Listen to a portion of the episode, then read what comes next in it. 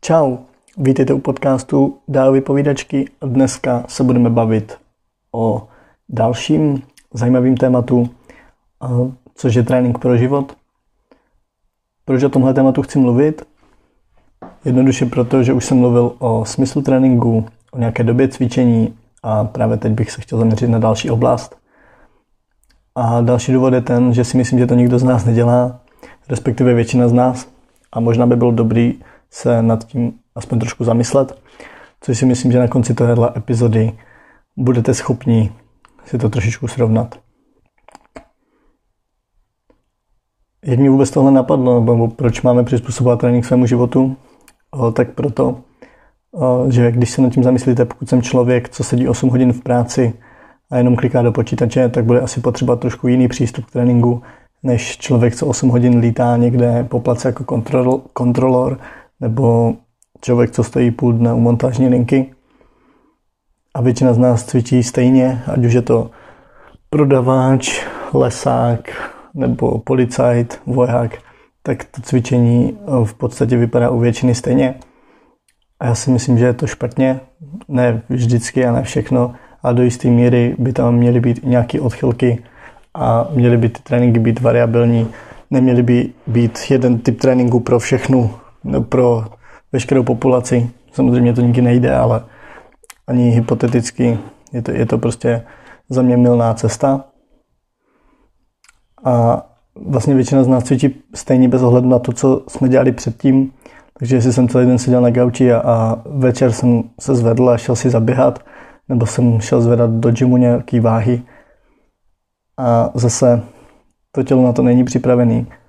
A za mě je tam, je tam chyba, je tam nedostatek. Když si to vezmete, tak pokud jste třeba cvičitel k aerobiku nebo nějaký trenér, tak tam pravděpodobně, když se celý den hýbete nebo se ještě přecvičujete, tak toho pohybu máte relativně dost.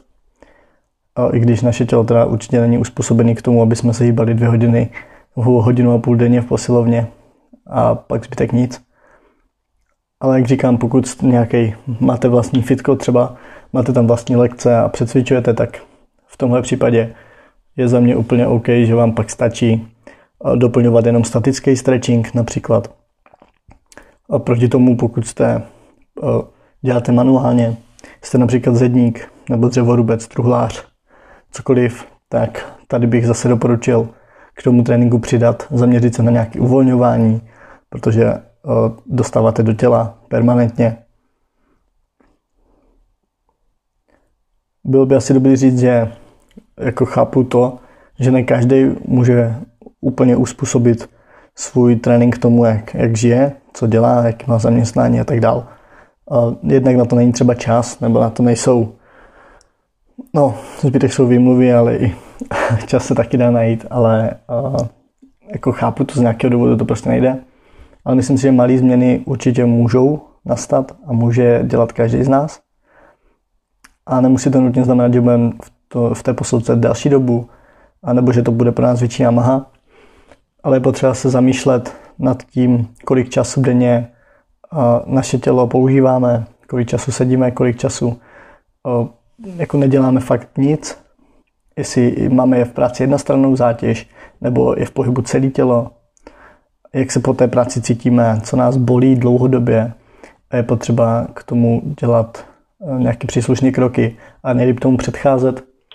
Takže znovu říkám, eh, uspůsobení tréninku svému životu je pro mě jedna z klíčových věcí, eh, pokud se jedná, nebo chceme se bavit o nějakým dlouhým, zdravým životním stylu, protože pokud jsem fakt mám sedavý zaměstnání a pak jdu dělat spírání, tak eh, to prostě nemůže být nikdy, nikdy dobrý z dlouhodobého hlediska. Za chvíli vás začne něco bolet, můžete si, je tam větší riziko eh, náchylnost ke zranění. To tělo to přestane rychle zvládat. A, a prostě je to špatně. Takže jak já třeba, eh, když jsou normální podmínky, tak jsem v tělocvičně, jsem tam každý den, respektive pětkrát v týdnu, o víkendech ne. A kolikrát tam jsem třeba 3-4 hodiny, pět a v ten, v ten čas, kdy se zadá nějaká rozcvička, nějaký, roz, nebo nějaký rozehřátí, rozběhání, tak, tak to dělám jako s, uh, se svěřencema, s uh, holkama třeba v tělocvičně a uh, že jo, já se dostanu do provozní teploty, tak svěřenci a pak začínáme cvičit, tak se s nima třeba protáhnu, dělám s nima nějakou mobilitku. Když jim zadám práci, tak já se třeba půjdu tam vyvěsit na hrazdu, udělám si zase nějaký, nějaký kompenzace a na konci třeba si s nima dám uvolňování, rehabku a ten trénink pak je i pro mě přínosný a kdybych toho, nic z toho nedělal, tak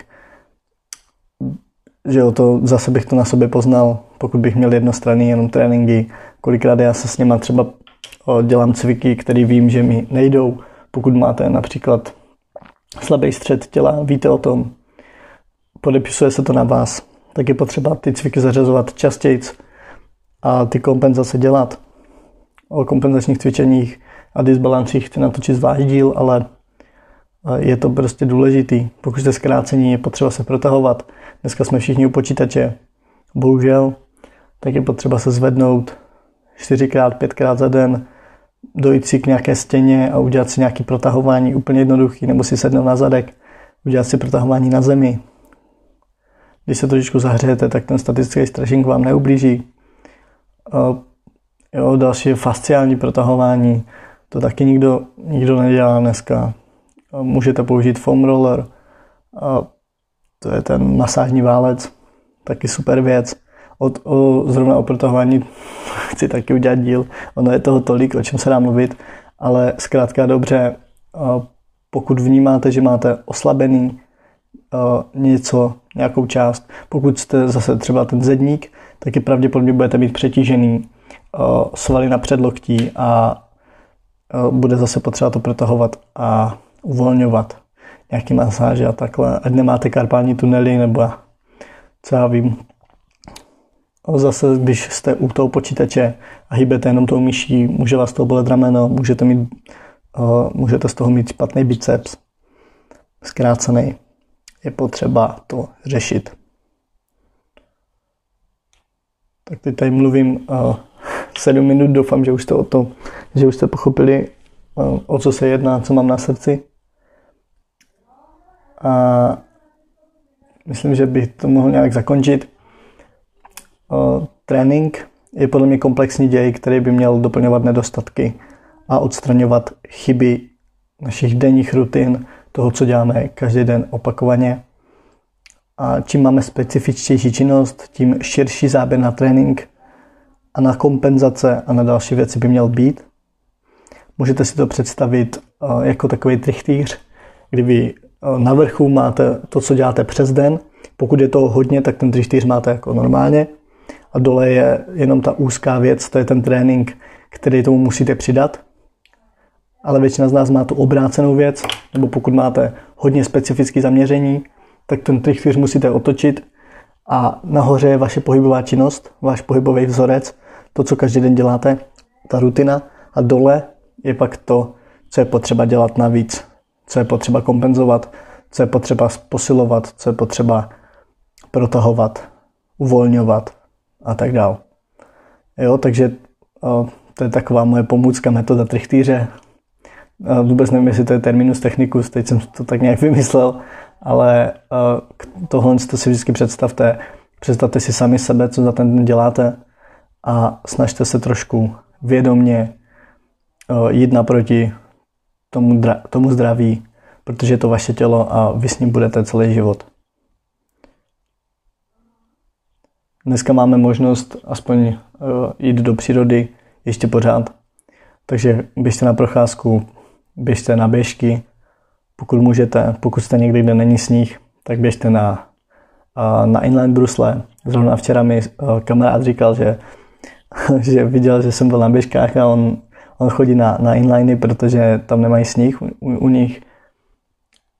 Ale vždycky se dá něco dělat, můžete si jít pořád zaběhat pokud máte doma nějaký fitko, něco, tak aspoň tam trošku, nebo si najděte cviky na, na doma, je toho plný internet. Na YouTube dneska máte mraky videí, různých, ale zase tam je potřeba vybrat si ty cviky, které pro vás budou vhodné, upravit si tu dávku a nepřetěžovat se. Zase tělo se má učit, neničit. A stejně jako nějaké protahování, taky tisíc, tisíc videí, uvolňování taky najdete, dýchání, můžete trénovat, to nestojí nic.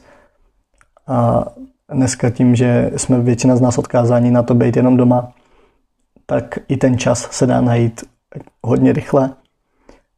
Předpokládám, že spousta z nás se dokonce má chvilky, kdy se nudí, kdy neví, do čeho píchnout. Takže dejte ten čas vlastnímu tělu. Ono vám to oplatí, vrátí se vám to. To je pro dnešek všechno. V další epizody budou pravděpodobně o fyziologii, protože budu dělat zkoušku, takže se na to chci naučit a nejlepší možnost je to, že to budu učit vás a tím se to samozřejmě naučím i já a zopáknu si to. Takže mějte se krásně a naslyšenou u dalšího dílu. Pokud chcete, budu rád, když mi napíšete na Instagramu Dalibor Gacho nějakou zprávu, pokud podcast sdílíte, budu taky vděčný, udělá mi to radost a mějte se. Čus, čus.